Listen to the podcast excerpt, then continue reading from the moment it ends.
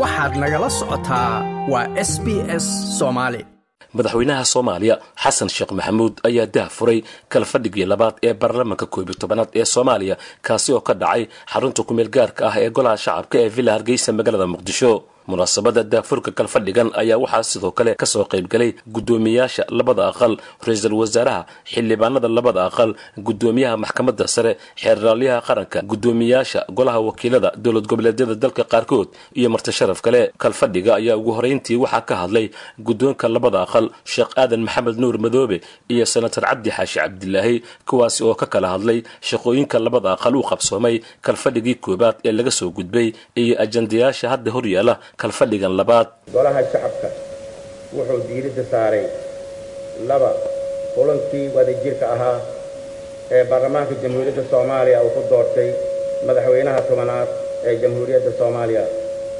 Saddex kalsoonisintii ra'iisul wasaaraha xukuumadda federaalk ee soomaaliya.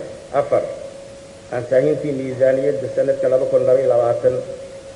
Aqalka sare ee baarlamaanka federaalka soomaaliya waxaa kalfadhigan hor yaalla howlo badan oo mudan in la dardargeliyo. Kow dib u eegista sixitaanka iyo dhammaystirka dastuurka. Laba dhismaha golaha adeega garsoorka si loo helo garsoor caadila oo madax bannaan. Saddex dhismaha maxkamadda dastuurka dalka si xal loogu helo khilaafaadka ka dhasha dastuurka. Afar dhismaha guddiga la dagaalanka musuq maasuqa si loo cirib tiro musuq maasuqa shan dardargelinta maqaamka caasimadda muqdisho. Si cadna loogu qeexo dib u eegista dastuurka ku-meel gaarka madaxweynaha soomaaliya xasan sheekh maxamuud oo khudbad ka jeediyey furitaanka kala fadhiga labaad ee golaha baarlamaanka federaalk soomaaliya ayaa ugu horeyntii waxa uu bogaadiyey howlihii uu soo qabtay baarlamaanka kalfadhiga koowaad oo ay ugu horeeyeen doorashooyinkii guddoonka. Madaxweynaha iyo kalsoonaysiintii ra'iisul wasaaraha iyo xukuumaddiisii iyo sidoo kale dhisitaankii guddiyada joogtada ahaa iyo xubnihii ku mateli lahaa baarlamaanada caalamka madaxweynaha ayaa sheegay in markii uu xilka la wareegay uu la kowsaday laba xaaladood oo aad u kala daran. Abaar saamaysay in ka badan toddoba milyan oo ruux iyo dagaalka al-shabaab si xaaladahaasi looga gudbana ay dowladdiisu xoogga saartay ilaa iyo lix qodob. Waxaan qaaday tallaabooyin aan u arkayay markaas in ay lagama maarmaan u yihiin ugogol xaarista hannaan wax looga qaban karo dhibaatooyinka shacabka soomaaliyeed ragaadiyey maadaama xalku xalka dhibaatooyinkaasi uu ku jiro soomaali heshiis ah ayaan annaga oo ka duulayna yoolkaas baaxadda leh sida ku cad barnaamijka xukuumadda. Dowladdeennu waxay xoogga isugu geysay hiigsiyada soo socda. Kow soomaaliya sharcigu sarreeyo. Labo soomaali heshiis ah. Saddex soomaali dunida heshiis la ah. Afar soomaali isku filan iyadu shan soomaali cagaaran oo ka baxday xaalufka iyo maxaanku raha geyiga guuray. Lix dhisidda hay'ado taya leh oo bixiya oo bixin kara adeeg hufan oo ku filan dadka soomaaliyeed. Xasan sheekh maxamuud madaxweynaha soomaaliya ayaa mar uu ka hadlayey dagaalka al-shabaab. Waxa uu sheegay in dalka iyo dadkuba ay ku sugan yihiin meel aan ka noqosho lahayn oo guuldaradu aanay boos uga bannaanayn sida uu yidhi. Maanta dalkeenna iyo dadkeennuba waxay ku sugan yihiin meel aan ka noqosho lahayn. Meel guuldarradu aanay boos ku lahayn. Boos uga bannaanayn guuldarro. Waxaan go'aansannay inaan u guntanno dagaalka dalka looga sifaynaya khawaarijta. Waxaan soo waayey ka madaxweyne ahaan jid aan ahayn inaan difaacno karaamadeenna islaamnimadeenna iyo qarannimadeenna dalka iyo dadkuba waxay inooga baahan yihiin xilgudasho dhammaystiran oo ah in aan dhinac uga soo wada jeesanno halka cadow ee soomaaliyada maanta ay leedahay. Waa inaan isku garab siino shacab iyo dowladba sidii aan dalka oo dhan uga xorayn lahayn halkaas cadow ee maanta aan leenahay.